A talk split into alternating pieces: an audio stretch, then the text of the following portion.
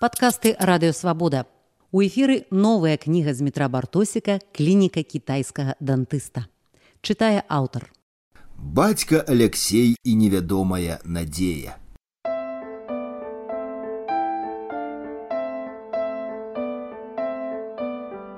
Я гэты горад знаю з даўніх дзён, дзе дрэмлюць замка гордыя руіны, дзе ўзняў густое вецце ясень клён над сном акамянелым гідыміна, дзе пад аркадамі сівых муроў праходзяць тені вулкамі вузкімі, пясняр літвы на днёманскіх палёў у вопратцы дарожнай пілігрыма і каліноўскі і мае сябры я чую голас іх у змроку шэрым, і як вялля праз пушчы і бары плыве і б'ецца ў непрыступны бераг.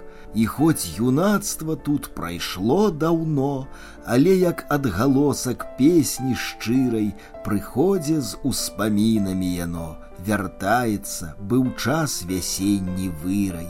Яно на кожнай вуліцы ўстае гарыць у вераснёвай пазалоце дзе ветер думы першыя мае рваў на лукіскім на калючым дроце і ўсё ж люблю я гэтых вуліц гул гараду панар высокі золак раніц і маладосць абвітую ў тугу, якой у вочы можна смела глянуць.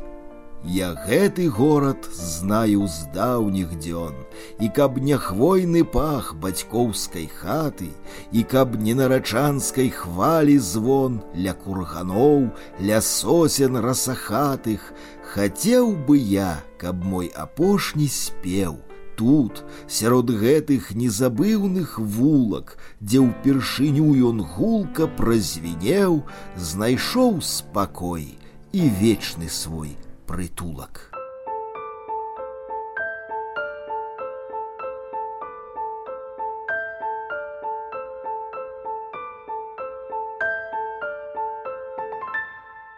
Аўтар гэтых радкоў урэшце знайшоў свой спачын ля курганоў, ля сосен расахатых. Але жаданне быць пахаваным у вільні выказаў не толькі Масім танк. Гэты матыў гучыць у вершах Наталлі Арсенневай, пра вечную вільню мроіў і Владзімир жылка, толькі ва ўсіх выйшла па-іншаму. Жылка ляжыць у далёкім прыўраллі, а Арсеннева увогуле за акіянам, і што нам чытачам рабіць са сваёю патрэбаю наведаць магілу паэта, каб успомніць, пачытаць вершы, ушанаваць. У арсенняўскай вільні такая магіла ёсць.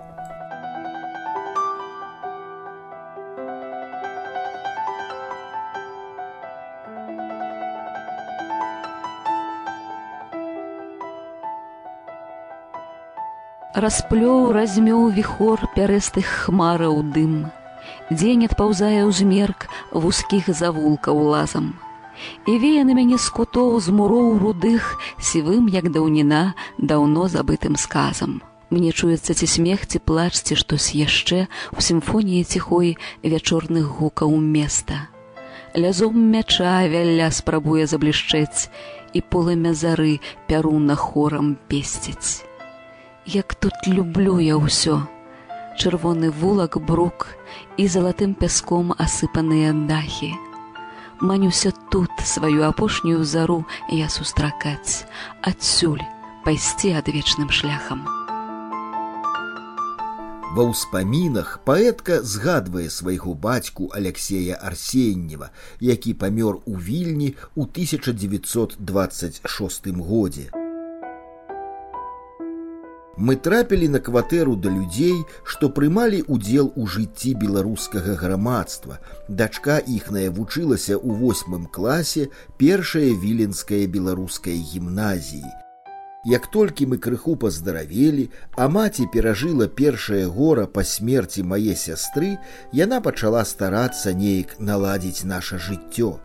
Бацька быў ужо стары хворы і не мог шмат памагчы ёй у гэтым Праз нашых гаспадароў маме ўдалося ўладзіцца працаваць на амерыканскую дапамогавую кухню ў беларускай гімназіі.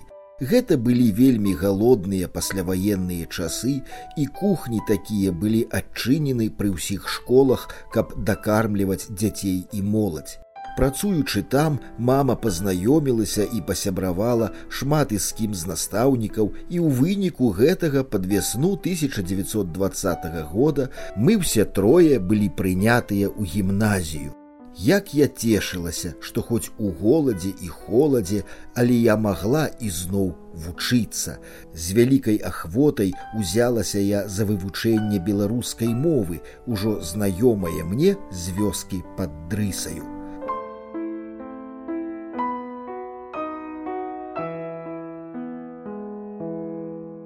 Дадам, што сям'я была праваслаўнай. Гэтых звестак мне было дастаткова, каб адправіцца на віленскую ліпоўку. Старыя праваслаўныя могілкі паміж вострай брамай і менскай шашой.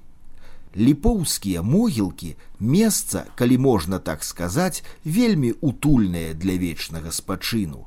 Узгоркі, парослыя векавымі дрэвамі, у нізінах акуратныя сцежкі, На самай высокай гары пануе невялікая, але вельмі зграбная ратонда, храм эўфрасінні полацкай. Сярод багатых чорна-мармуровых надмагілляў расейскага чынавенства і сціплых крыжоў тутэйшага люду вока парадавалі некалькі помнікаў з беларускімі надпісамі. Рэха міжваеннай вільні, але магіла арсенневых нідзе не сустракалася.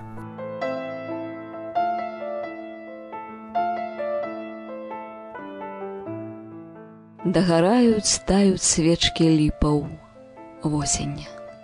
Кроплі воску лісця услалі мох. Хоць тугі ў госці мы не просім, тут яна і тужыцца само. Зараз зноў рудое зрэб'е змроку лістапад пачне вакол спяліць. Зноў успомнім мы не зняць урокаў з магароў, што злеглі ў зямлі.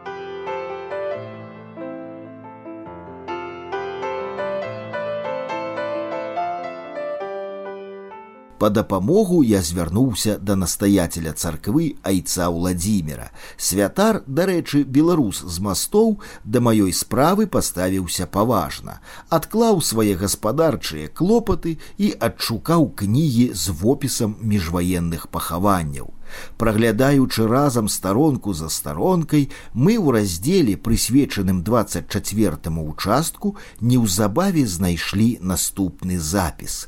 Алексей Арсеньев, 1926 год, Надежда Арсеньева, 1913 год. Побач давалася апісанне магілы, камень, высокі мармуровы крыж, жалезная агароджа. Невядома, праўда, было, хто гэтая жанчына надзея. Калі гэта маці, дык 1913 год памылка, бо маці Наталлі Арсенневай памерла ў 1939, пра што піша сама паэтка. А калі дата смерці сапраўдная, можа, бабка, Яшчэ загадка заключалася ў тым, што ўчасткі з тых часоў давно змянілі як нумерацыю, так і канфігурацыю. Але айцец Уладзімир загарэўся маёй ідэяй. Праз колькі хвілінаў перада мною ляжаў стары царскіх часоў плян ліпоўскіх могілак, з якога вынікала, што ўчастак 24 знаходзіцца недзе паміж лысаю гарой і шкаплернай вуліцай. Сёння гэта вуліца дзуку. Захапіўшы з сабою той могілкавы фаліянт, святар вырашыў асабіста паўдзельнічаць у пошуку магілы.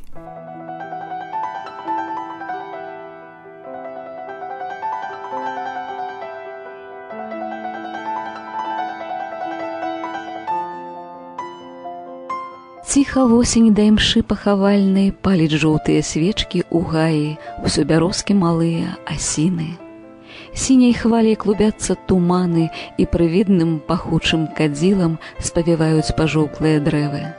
Сумнай песняй, няўхопнай азнанай, песняй жальбай забытых магілаў леза заводзяць, пануры з жаўцелы. Недзе каля гадзіны мы з айцом уладзімірам абыходзілі той колішні 24 участак. Я прызнацца ўжо згубіў надзею, бо занадта шмат там было магілаў, пазначаных другой паловай мінулага стагоддзя.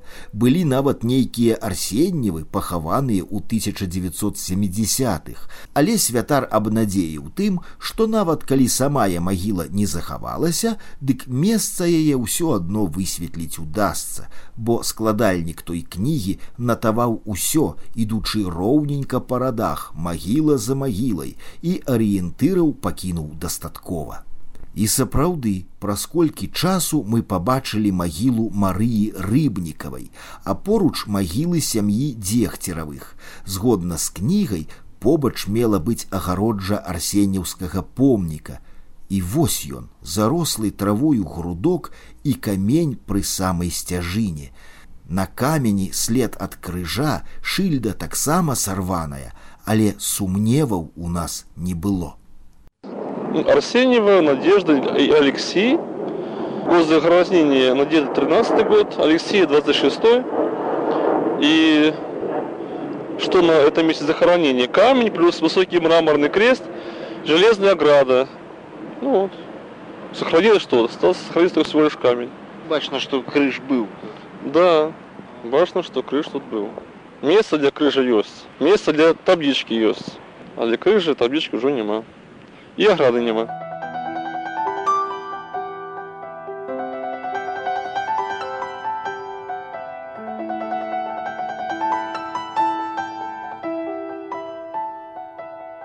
Зацерлі золь слата няўзнак імёны год. І з нас пэроўнае ўзнялося пустазелля. Ды запыні спытае бы каго, жывыя, скажа ён, хай целы і сатлелі. Крыжы стаяць, няхай пакленчылі яны, ці ж лёгка несці год важкіх і чорных ношу. Не ў памяць пэўна, і ім, каго тут скон спыніў, ніколькі іх залягло вясёлых і хорошых. Ці ішлі яны ў бой з песняй маладой, ці доўга неслі боль, аж палі гэта ніцма. Ці на дзяды мядзяныя ў восені з бядой прыходзіць хто па іх паплакаць, памаліцца.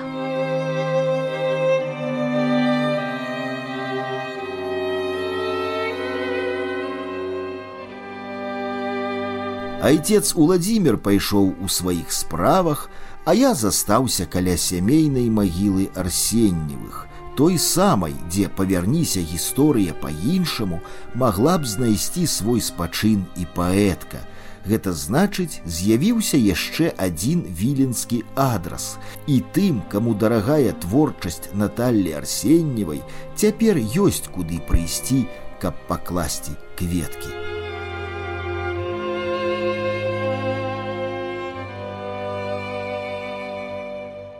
Шукаючы выяву таго каменя ў сеціве, я з радасцю даведаўся, што ў лістападзе 2015 году на магіле Алексея Арсеннева адбылося адкрыццё абноўленага помніка з удзелам зянона пазняка і Алексея Марачкіна. На новым камені з'явіўся надпіс: Арсенніў Алексей, сын Александра, начальнік управы віленскай мытнай акругі, сапраўдны штатскі дараднік, бацька беларускай паэткі Наталлі Арсенневай кушаль, памёр у вільні ў 1926 годзе. Стваральнікі БНФ схілілі галовы над магілай расійскага мытніка, які аднойчы аддаў дачку, у беларускую гімназію.